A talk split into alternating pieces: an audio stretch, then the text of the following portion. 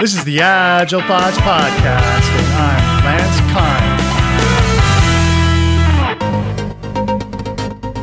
Kind. So, my name is Jordan Powell, and I am a developer experience engineer here at Cypress.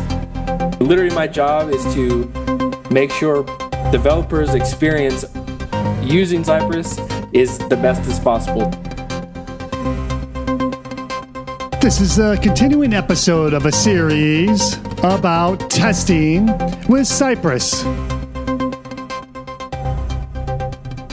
I suppose one way of looking at it, Cypress is a replacement for using Selenium, I suppose. Correct. What is the, the benefit to using Cypress over Selenium? Selenium doesn't really like run in a browser. It basically you execute commands that basically tries to trick your browser, trick like a browser into doing, but it doesn't like really run in like the browser like the way a user is actually going to be using your your application or that's where cypress actually open up chrome and then we actually we have like this iframe that injects cypress into the browser and then we have an iframe that injects your application that you visit in the browser and they all know how to work together to basically literally run so like you oh, see okay. like your application will make API requests to a backend, get customers, right? So you can actually see the get call to customers in the network tab like you would if you were just visiting it normally.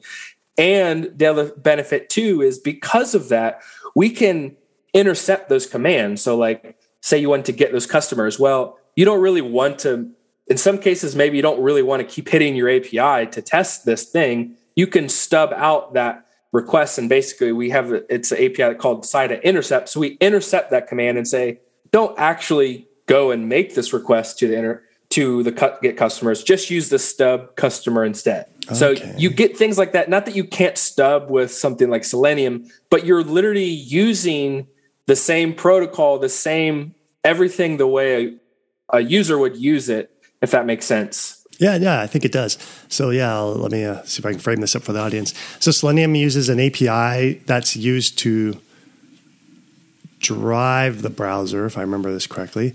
Uh, but Cypress uses Cypress uses the browser and somehow remote controls it. It sounds like, and uh, it, yeah, it run. It actually runs inside of inside of like Chrome or something like that. So oh, okay, and then it gets its work done by remote controlling the browser. Where I guess Selenium might be a little more invasive. I'm a, little not technical enough in Selenium to know the answer. Sure. All right.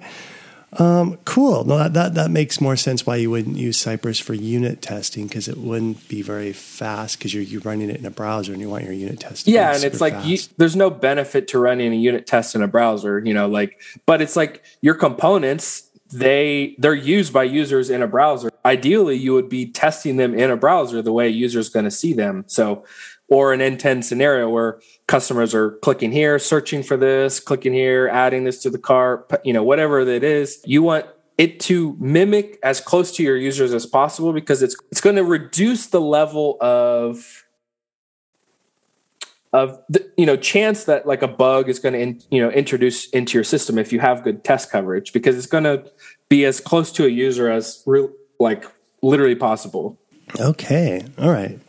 You mentioned components a few times. Let's let's go ahead and define that now. Components are uh, not as bad as integration, but it's it's a fairly flexible word too.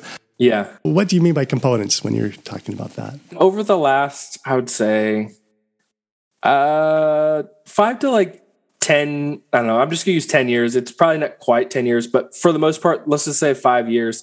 There's like this front end JavaScript applications have really taken this component driven development approach where it's like all the parts of your applications can be kind of grouped into isolated what we call components. So we can use for an example a a form. Well a form may have maybe a first name uh, uh, we could just do like a sign up form. So it would have like a, a username field and then a password field and then like a, a save you know or, or a login button. Well like that form could be could be a component that is a login form that that is an isolated piece of code that can get shipped and used other places, but inside of it could have an isolated username component that is could be used and moved around and shared other places as well as a button that could be shared. So those are things that there's this this idea of like you don't want to repeat yourself you know dry coding you don't want to repeat things that are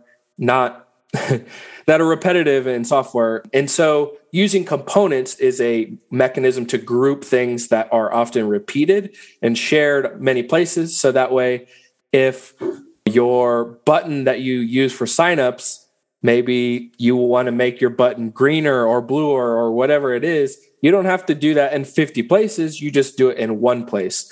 So with components like that, it's just a way to group and isolate parts of your application from other parts. Yeah, no, that, that makes sense. And so I'm in like say React. I'm building a. I have a component that I'm building, and I've unit tested it. But hey, I, I, I want to create a suite of com- tests around the component.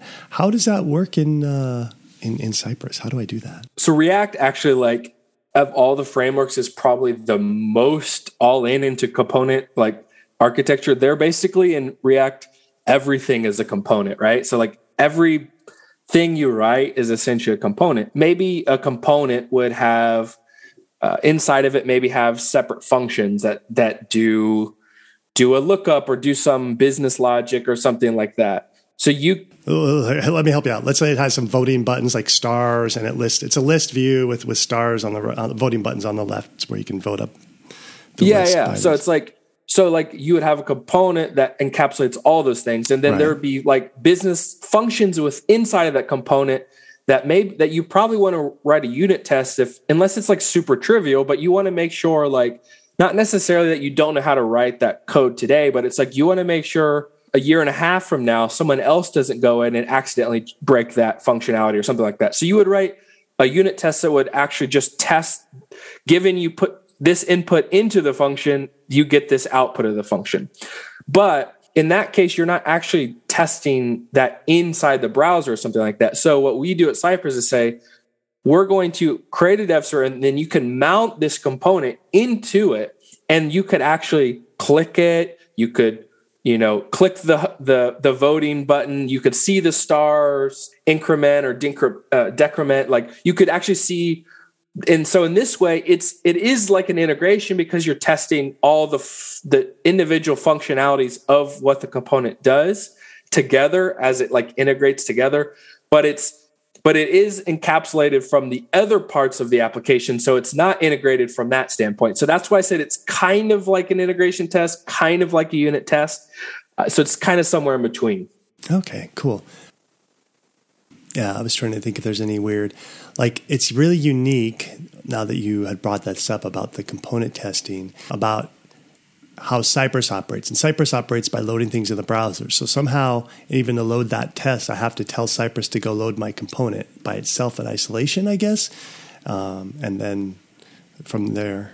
Yeah, one of the things I actually think that the benefit of component testing is probably most beneficial when you're writing your code like as a developer. So it's it's almost almost like TDD, but it's like when you're maybe building a component or you want to change like a you're working on some feature and you need to change some part of it, right? It's like you can actually just mount the component in isolation, work on it without having to go to this this URL, visit this page, click some things to actually get to the thing you care about. You just mount the thing you care about and you can work in it in isolation until it actually does what it's supposed to. And then you could write an end-to-end test to make sure it works together with everything else. But actually in the development stage, I actually find it most beneficial because you can work in, in isolation. And I find that it has increased like the productivity of development and, and sped up that that uh the sort of the dev life cycle.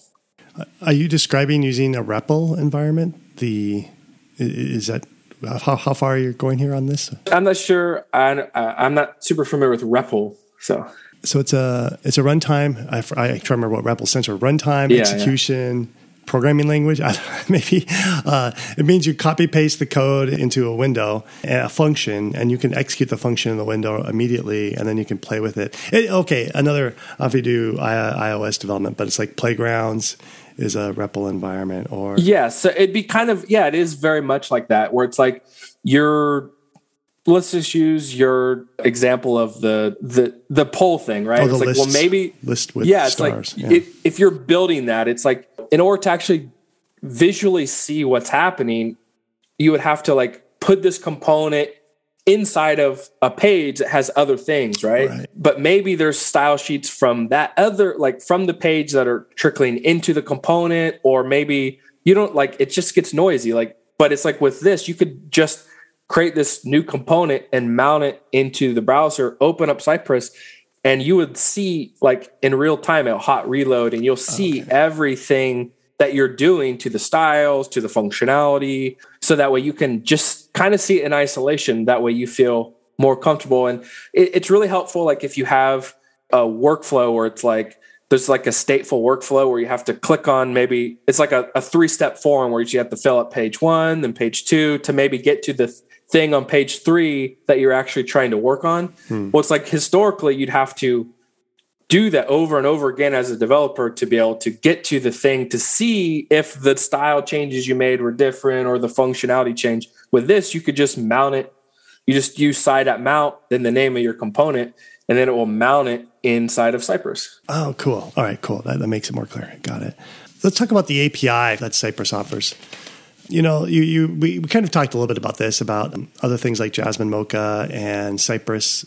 I guess uses them for the assertion library is what Yes. I think I recall. But Cypress comes with other things. So uh, give us a taste of what what those other things are. So one of the most important things about testing in the browser is actually selecting DOM elements, you know.